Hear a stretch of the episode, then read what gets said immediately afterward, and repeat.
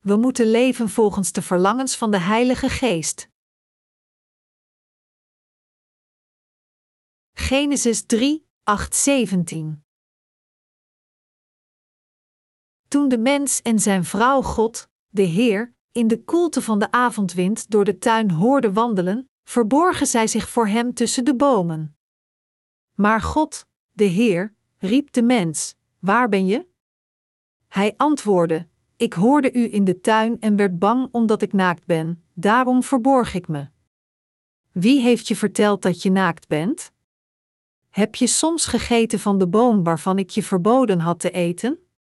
De mens antwoordde: De vrouw die u hebt gemaakt om mij terzijde te staan, heeft mij vruchten van de boom gegeven en toen heb ik ervan gegeten. Waarom heb je dat gedaan? vroeg God, de Heer, aan de vrouw. En zij antwoordde: De slang heeft me misleid en toen heb ik ervan gegeten. God, de Heer, zei tegen de slang: Vervloekt ben jij dat je dit hebt gedaan. Het vee zal je voortaan mijden, wilde dieren wenden zich af, op je buik zul je kruipen en stof zul je eten, je hele leven lang. Vijandschap sticht ik tussen jou en de vrouw, tussen jouw nageslacht en het hare, zij verbrijzelen je kop. Jij bijt hen in de hiel. Tegen de vrouw zei hij: Je zwangerschap maak ik tot een zware last, zwoegen zul je als je baard. Je zult je man begeren, en hij zal over je heersen. Tegen de mens zei hij: Je hebt geluisterd naar je vrouw, gegeten van de boom die ik je had verboden. Vervloekt is de akker om wat jij hebt gedaan, zwoegen zul je om ervan te eten, je hele leven lang. Dorens en distels zullen er groeien, toch moet je van zijn gewassen leven. Zweten zul je voor je brood, totdat je terugkeert tot de aarde, waaruit je bent genomen, stof ben je, tot stof keer je terug. Toen God de mens schiep, maakte hij de mens niet om tegen hem in te gaan vanaf het begin van de schepping. God creëerde een prachtige wereld die in orde was. Echter, er was Satan die tegen God inging. Deze Satan was niet de duivel vanaf het begin. Hij was oorspronkelijk een engel, maar omdat hij de troon van God begeerde en zijn autoriteit uitdaagde om hoger dan God te worden, werd hij veroordeeld en verdreven naar de aarde. Sinds Satan verdreven werd door God, probeert hij de mensheid te misleiden, die God koestert, zodat hij de mensheid verandert in Gods vijanden. God berispte de slang hiervoor een incarnatie van Satan en vervloekt het. Hij zei: En je zult stof eten je hele leven lang, dient te gevolgen, moest Satan leven zich voedend op de lusten van het vlees van de mensheid. Zelfs nu misleidt Satan de mensheid continu om te zondigen en als zij zondigen, dan veroordeelt hij hun geweten en laat hen vervallen aan wanhoop en lijden. De popmuziek van vandaag, die zoveel jonge mensen wild maakt, is veel te wel lustig en uitbundig aan het worden. Als heavy metal headbangers hun hoofden heen en weer schudden, dan doet de menigte, bedwelmd door de duizelingwekkende lichten en dreunende muziek, hun kleren uit en dansen als een geheel, de scène verandert in een woeste razernij. Er wordt verteld dat in veel westerse landen tegenwoordig bijna iedereen op zoek is naar een oneenigdstand. De zonde overstroomt de hele wereld. De duivel gebruikt bepaalde omgevingen zoals het internet om de verlangens van de mensen op te wekken tot razernij. Als mensen zo bedwelmd worden door de wellust van het vlees, dan is dit een grote bevrediging voor Satan. Als de lust van het vlees wordt opgewekt in mensen en ze zonden plegen volgens hun vleeselijke verlangens in plaats van Gods werk te doen en geobsedeerd worden door iets anders, dan kunnen we gerust concluderen dat de duivel aan het werk is. Door gekheid in de harten van de mensen op te wekken, voorkomt Satan dat zij op zoek gaan naar God en laat hen zonde plegen, en met deze zonden staan zij tegen de rechtvaardigheid van God. De duivel voedt zich aan de lusten van het vlees van de mens. Hij misleidt talloze mensen zodat ze uiteindelijk hem dienen. God veroordeelde slang: Vervloekt ben jij dat je dit hebt gedaan. op je buik zul je kruipen en stof zul je eten je hele leven lang. Dat de slang hier stof moet eten betekent dat de duivel zich moet voeden aan de zonde van de mensen.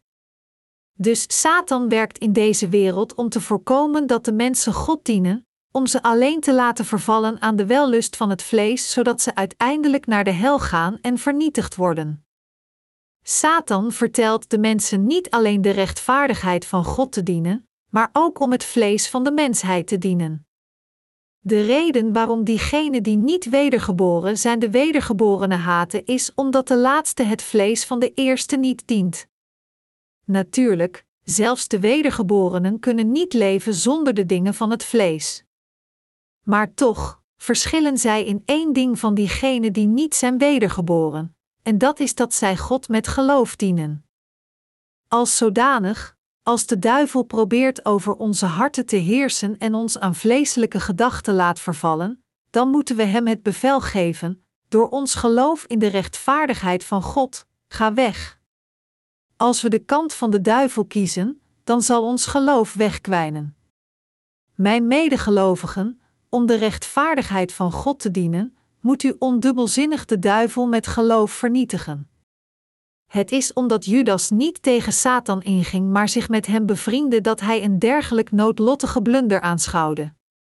Genesis 3 uur 15 zegt: Vijandschap sticht ik tussen jou en de vrouw, tussen jouw nageslacht en het hare, zij verbrijzelen je kop, jij bijt hen in de hiel.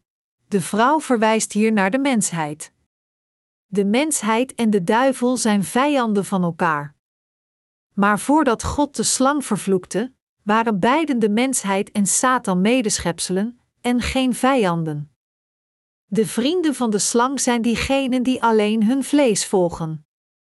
Daarom, diegenen die zijn wedergeboren door te geloven in het evangelie van het water en de geest en diegenen die niet zijn wedergeboren en alleen hun vlees volgen, zijn vijanden.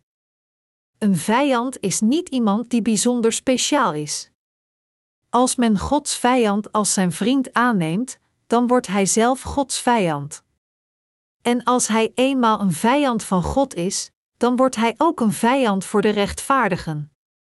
Dat is waarom we nooit moeten falen Satan als onze vijand aan te nemen.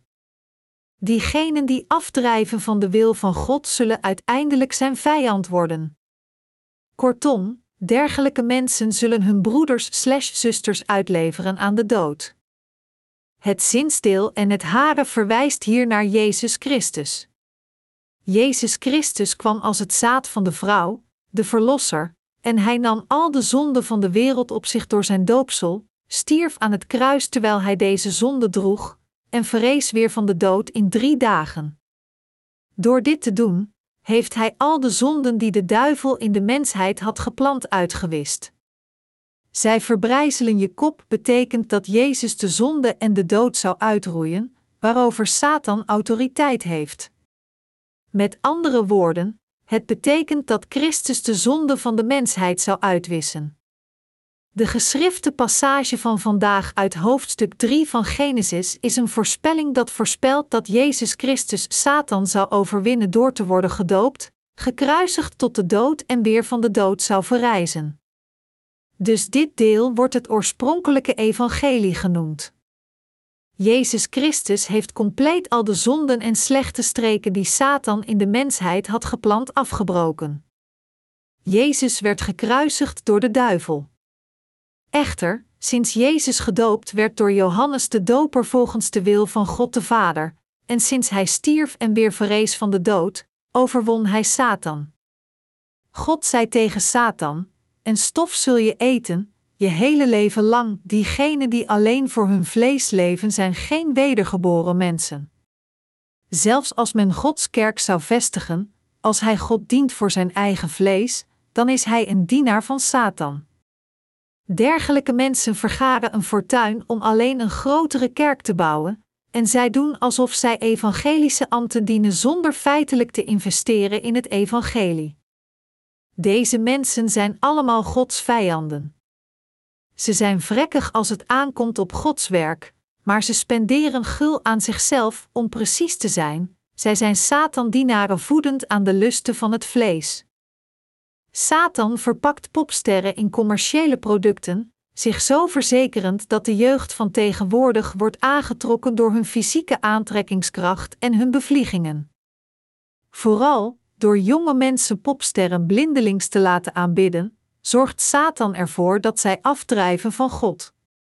De duivel laat de harten van de mensen in dergelijke lusten van het vlees vervallen.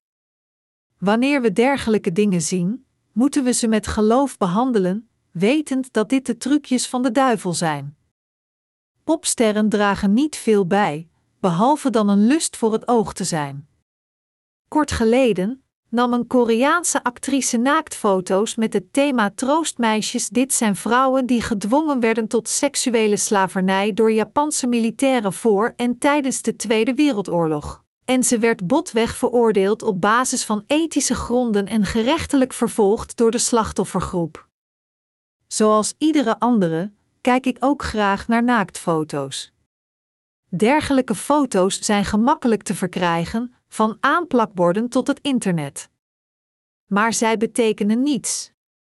Dat sommige mensen geld verdienen door naaktfoto's te maken is op zich geen probleem, maar het echte probleem is dat deze generatie koers zet in een richting die alleen de lust van het vlees voedt.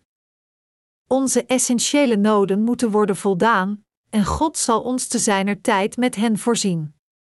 Dus eerder dan een slaaf te worden van het lichaam en materiële noden, hoeven we alleen onze harten te vernieuwen en naar de Heer te rennen.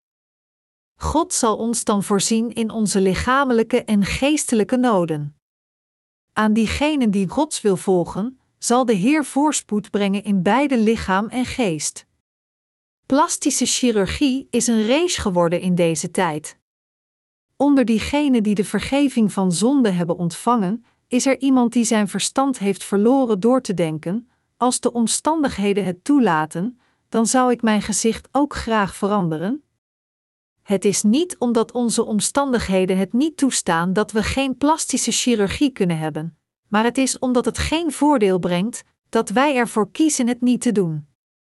Tegen al de jonge mannen in de Heer, laat u niet voor de gek houden door het uiterlijk van vrouwen.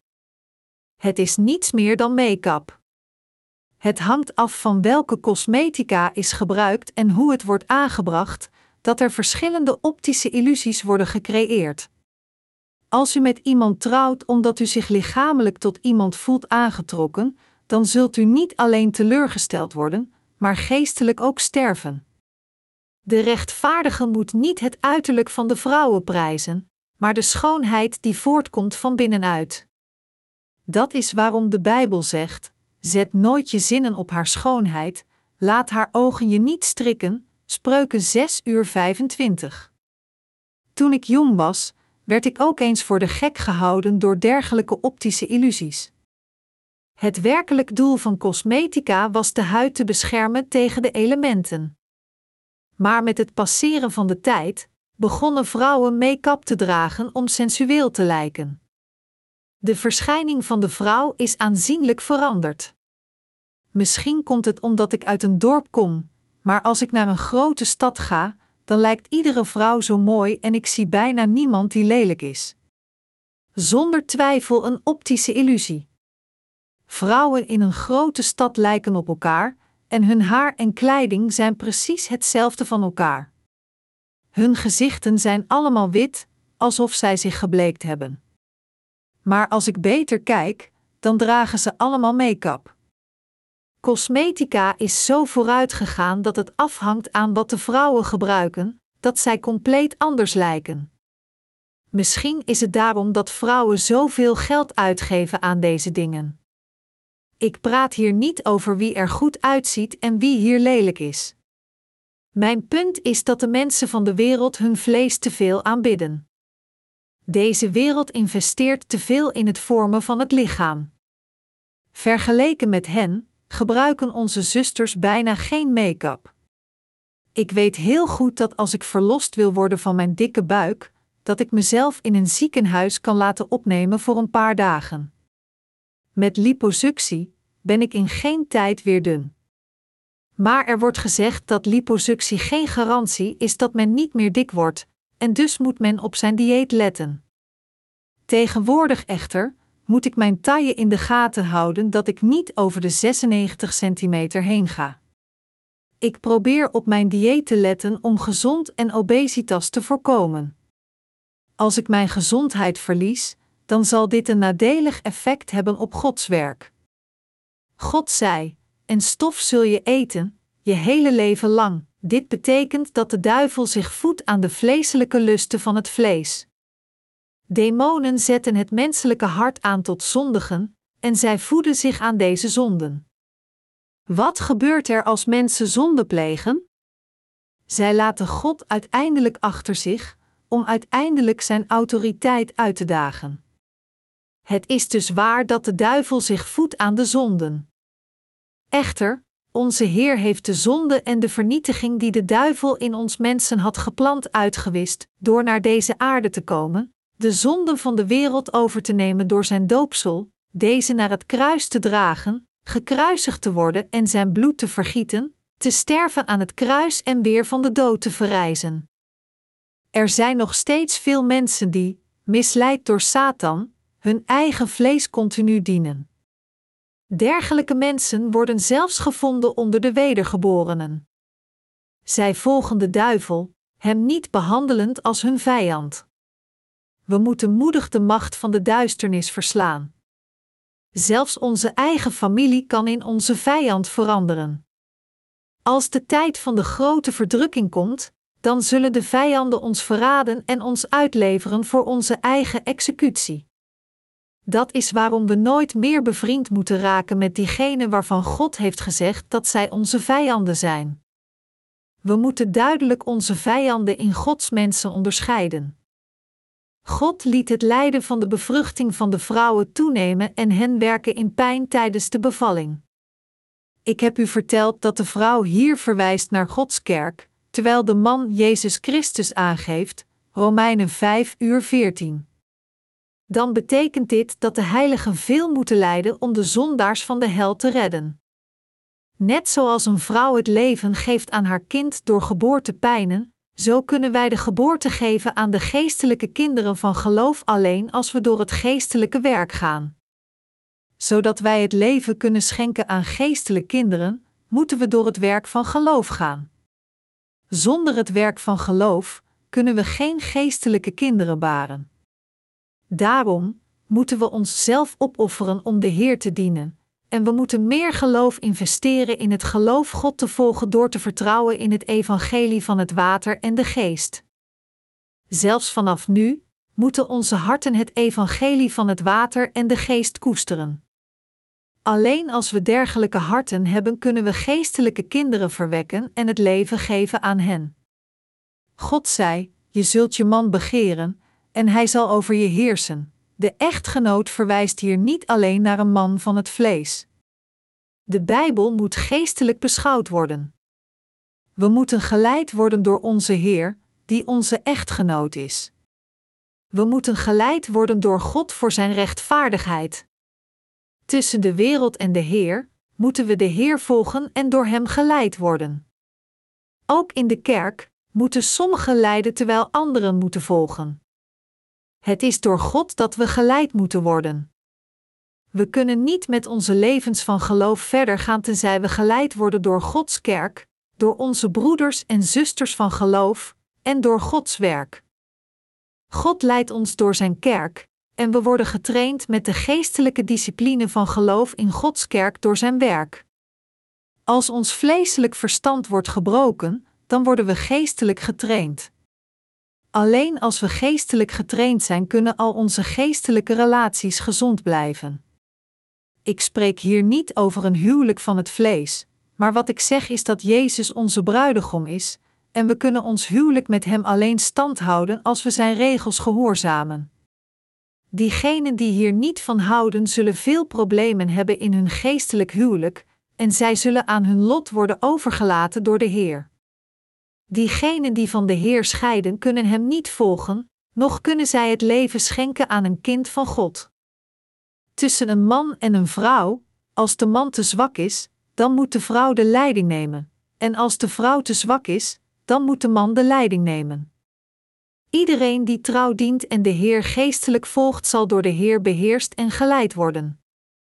Als iemand deze leiding niet accepteert, dan wordt zijn relatie met God afgesneden. Als we fouten hebben, dan moeten we deze toegeven aan de Heer, en hoewel we ontoereikend zijn, moeten we ons verstand richten op de Heer om Hem te volgen en te gehoorzamen. Als we anderzijds blijven vasthouden aan onze eigen gezichtspunten en rechtvaardigheid, dan zal het met ons gedaan zijn. God leidt u door de kerk, door de voorafgaande predikers of de voorafgaande broeders en zusters. Gelooft u dit? Dit is hoe God heerst. Niemand van ons wil geleid worden in onze menselijke zaken, maar als het op het werk van God aankomt, dan moeten we de orde die God gevestigd heeft in zijn kerk gehoorzamen. We kunnen dit doen door ons geloof in de rechtvaardigheid van God te plaatsen. Omdat Adam naar zijn vrouw luisterde en de verboden vrucht at, verloor hij de zegeningen van God, en God vertelde hem dat hij zwoegen zou zijn hele leven lang om ervan te eten. Alleen als we zwoegen tot onze dood kunnen we de geestelijk vruchten verkrijgen en Gods zegeningen ontvangen. We moeten de Heer tot onze dood dienen om gezegend te worden door God. Als we God niet dienen, dan kunnen we niet gezegend worden. Als we God niet dienen, dan kunnen we niets leren over geloof. Het is als we de Heer dienen dat we beseffen wat de wil van God is en onze harten veranderd worden. Men moet heel zijn leven zwoegen om ervan te eten. Zodra we beginnen alleen de Heer te dienen, gaan we ons beseffen, dus daarom liet God mij dit doen en heeft mij zo geleid. In theorie lijkt het in eerste instantie onmogelijk dit te begrijpen, maar zodra we ons zelf negeren en God gehoorzamen, gaan we ons realiseren dat God deed wat Hij deed omdat het noodzakelijk was voor ons. Dat is hoe wij gaan leren over geloof, geloof hebben, leven door geloof en het rijk van geloof zien. We zullen dit allemaal waarderen zodra we God gehoorzamen. We kunnen alleen eten als we ons hele leven werken. Alleen als we het evangelie dienen tot de dag dat we sterven, kunnen we de geestelijke vruchten verkrijgen en hen eten. Zonder werk kan er geen fruit zijn. Wat men zaait, dat oogst men. Als we zaaien met geloof, dan zullen we oogsten met geloof, maar als we zaaien voor ons eigen vlees, dan zullen we alleen vleeselijke dingen oogsten. Daarom moeten we geestelijke zaden zaaien met geloof. Als we in het geestelijke rijk werken nadat we wedergeboren zijn, dan lijkt het in eerste instantie alsof er niet veel te doen is, maar zodra we leven door geloof, is er zoveel te doen dat er nooit genoeg tijd is. Wat zouden we bereiken als we niet voor de Heer zouden werken? Kort geleden kwamen de voorafgaande werkers van onze missieorganisatie samen om ons toekomstige werk te bespreken. Elk departement gaf een verslag van zijn werk, en er werden beslissingen genomen na zorgvuldig overleg. Laat ons dit doen. Dit is de beste manier. Op deze manier kunnen we het evangelie effectief verspreiden zonder dat het te veel geld kost. We moeten als eerste onze boeken methodisch publiceren, vertaalde versies ook printen en hen verschepen door het postkantoor, veel medewerkers in het buitenland proberen te verkrijgen en hun medewerking verkrijgen door onze boeken uit te delen. Het geld dat we dienen met ons werk, moeten we geven aan God, en we moeten die geld voor de Heer gebruiken. Sinds God besliste dat we ons hele leven moeten zwoegen om ervan te eten, wordt niets verkregen zonder werk. Goed voedsel kan alleen verkregen worden met werken, en de oogst kan alleen geoogst worden als ze zijn gegroeid. Er is niets dat gedaan wordt op zichzelf. De Bijbel is de waarheid. Als we de geestelijke vruchten willen verkrijgen, dan moeten we het evangelie dienen. Alleen dan kunnen we geestelijke producten verkrijgen. Daarom moeten we het evangelie dienen, de Heer volgen, onze vijanden, vijanden noemen en hen uit onze harten snijden, zeggend: laten we elkaar nooit meer zien. De apostel Paulus zei: Dus of u nu eet of drinkt of iets anders doet, doe alles ter ere van God. 1 Corinthiërs 10 uur 31. De voorvaderen van geloof leefden alleen voor God. En de voorvaderen van geloof wisten hoe ze moesten omgaan met armoede en voorspoed, zoals Paulus zei: Ik weet wat het is om gebrek te lijden, maar ook wat het is om in rijkdom te leven. Ik heb alles aan den lijve ondervonden: overvloed en honger, rijkdom en gebrek. Filippenzen 4 uur 12. Sinds zij geloofden in de waarheid, volgden zij in hun werkelijke levens God met geloof. Ik geef heel mijn dankbaarheid aan God. Satan had de zonde in onze harten geplant, maar Jezus wist al de zonde van de wereld uit door te worden gedoopt en te sterven aan het kruis. Door geloof zijn wij vernieuwd en gemaakt om de Heer te volgen. Op hetzelfde moment, echter, laat God ons werken voor Zijn rechtvaardigheid en Zijn koninkrijk. Hij plaatst de vijandschap tussen Satan en ons. We moeten leven door te geloven in God, door te vertrouwen op Zijn woord. Opnieuw geef ik mijn dankbaarheid aan God.